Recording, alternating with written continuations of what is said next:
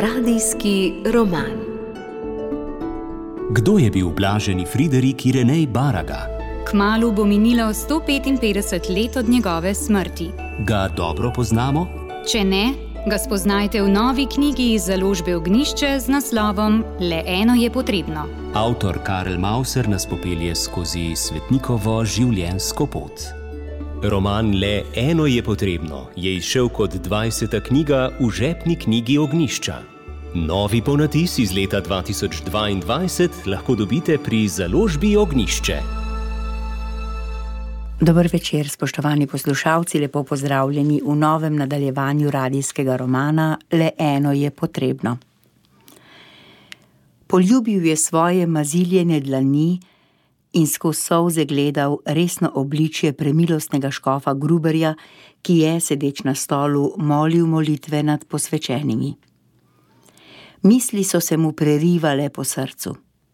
Kako hitro sta minili dve leti, kako se je življenje iz nekdanjih prečudnih sanj obrnilo čisto v drugo smer. Ni slikar in ne doktor. Duhovnik je. Na poseben način bo vedno stal ob robu življenja. Klical bo Boga na zemljo in v duše.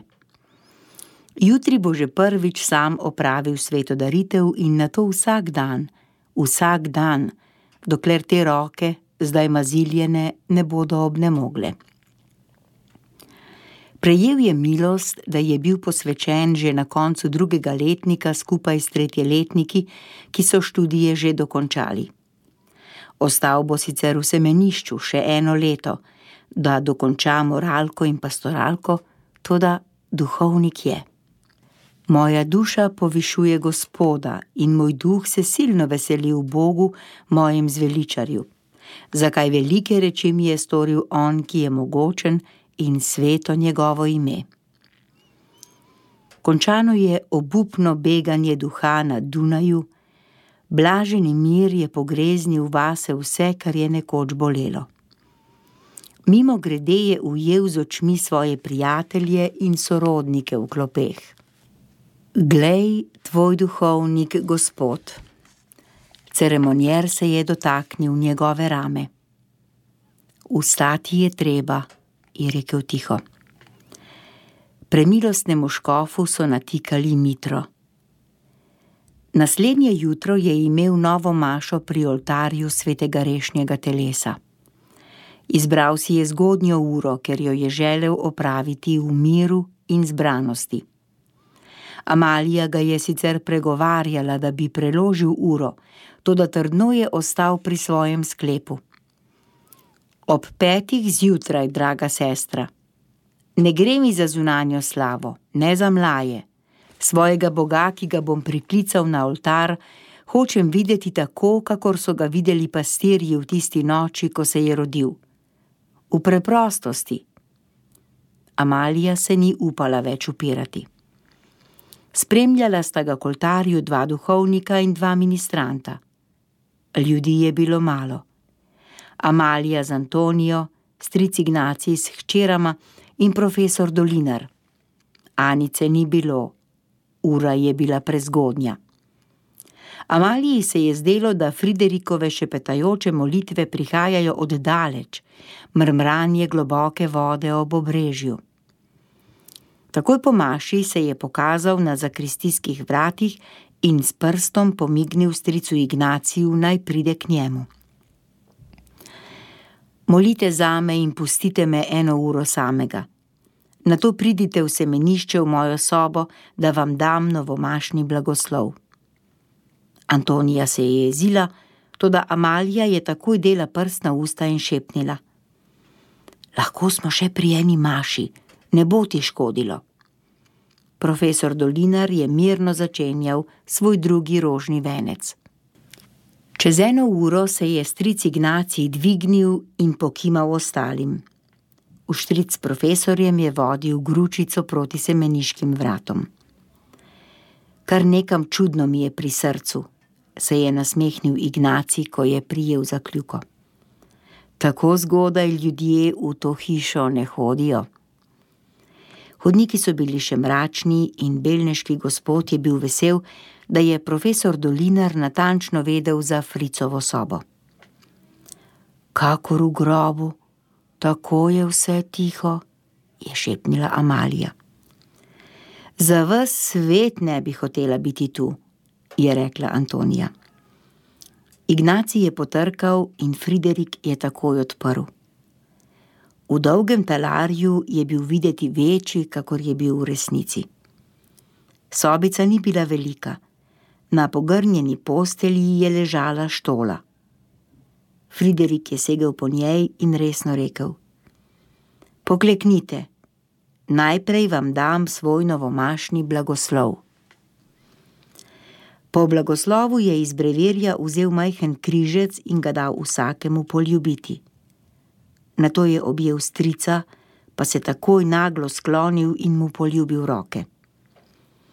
Moje so sicer posvečene svetim oljem, dragi stric, to da vaše so z delom zame. Toliko sem jim dolžan. Stricu Ignaciju so prišle solze v oči. Friderik se je obrnil k profesorju. Tudi vam hvala za vse. Popovdne bi rad toliko prišel k vam, da bi dal blagoslov gospe in Anici. Vem, da tako zgodaj nista mogla priti k maši. Lahko bi šel z nami vsaj na zajtrk, je rekla skoraj trdo Antonija. Zdelo se ji je, da je brat preresen in da komaj čaka, da spet odidejo. Zdaj se je vendarle nasmehnil. Ne morem zdaj. S teboj in Amalijo se tako še vidimo. In na belneku se oglasim, kakor hitro bom mogel. Ko so se vračali po hodniku, je rekla Antonija: Vase je zaprt, kakor je bil oče. Saj ga še poznala nisi dobro, je trdo rekla Amalija. Dovolj si mi povedala o njem, je udarila nazaj Antonija.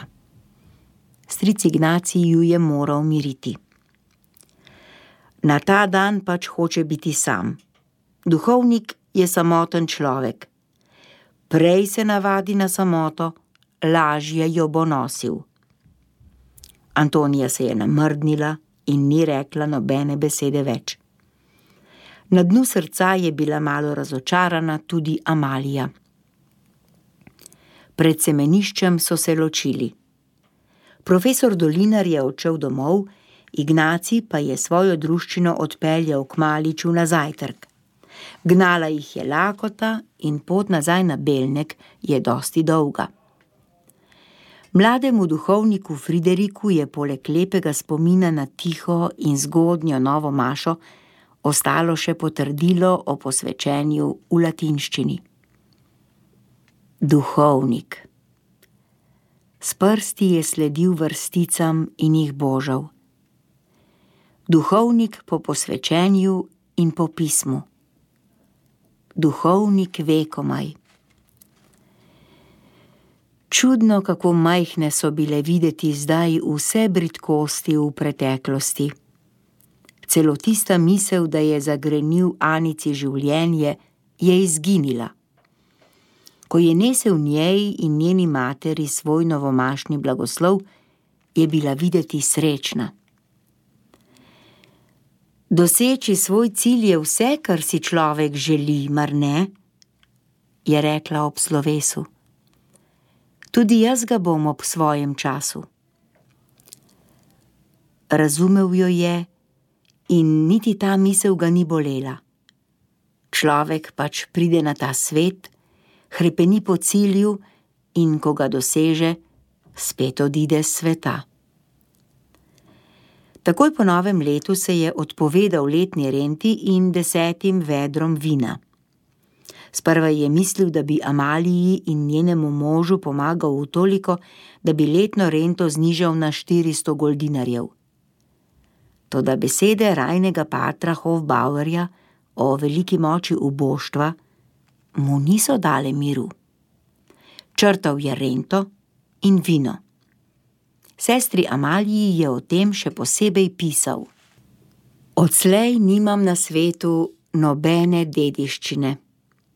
Ko bo on, ki mu je imel ljubezen, prišel klicati svojega služabnika, mu bom odgovoril: Tukaj sem, o Gospod, daj mi, kar je mojega, daj mi krono, ki si jo dal svojemu apostolu Pavlu.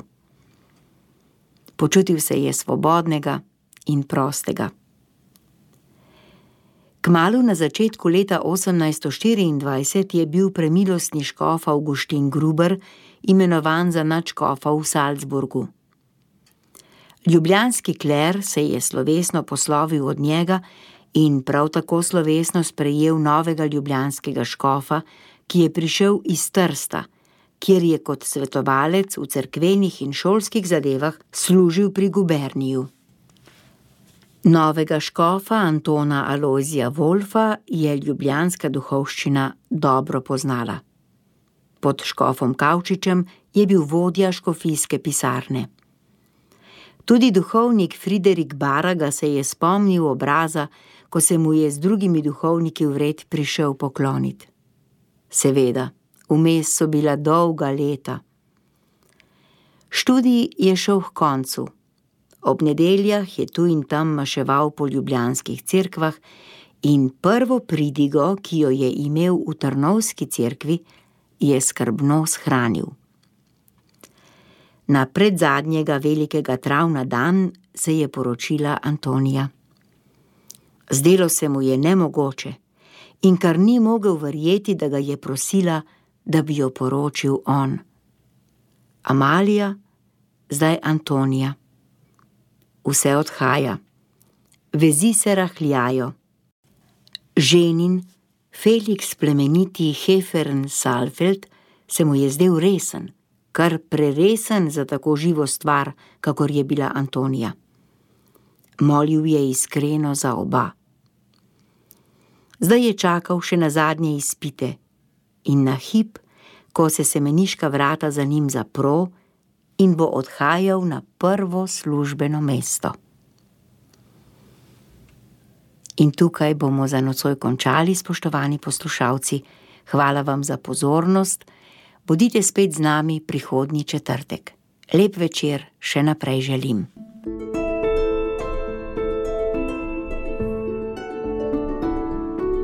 Radijski roman.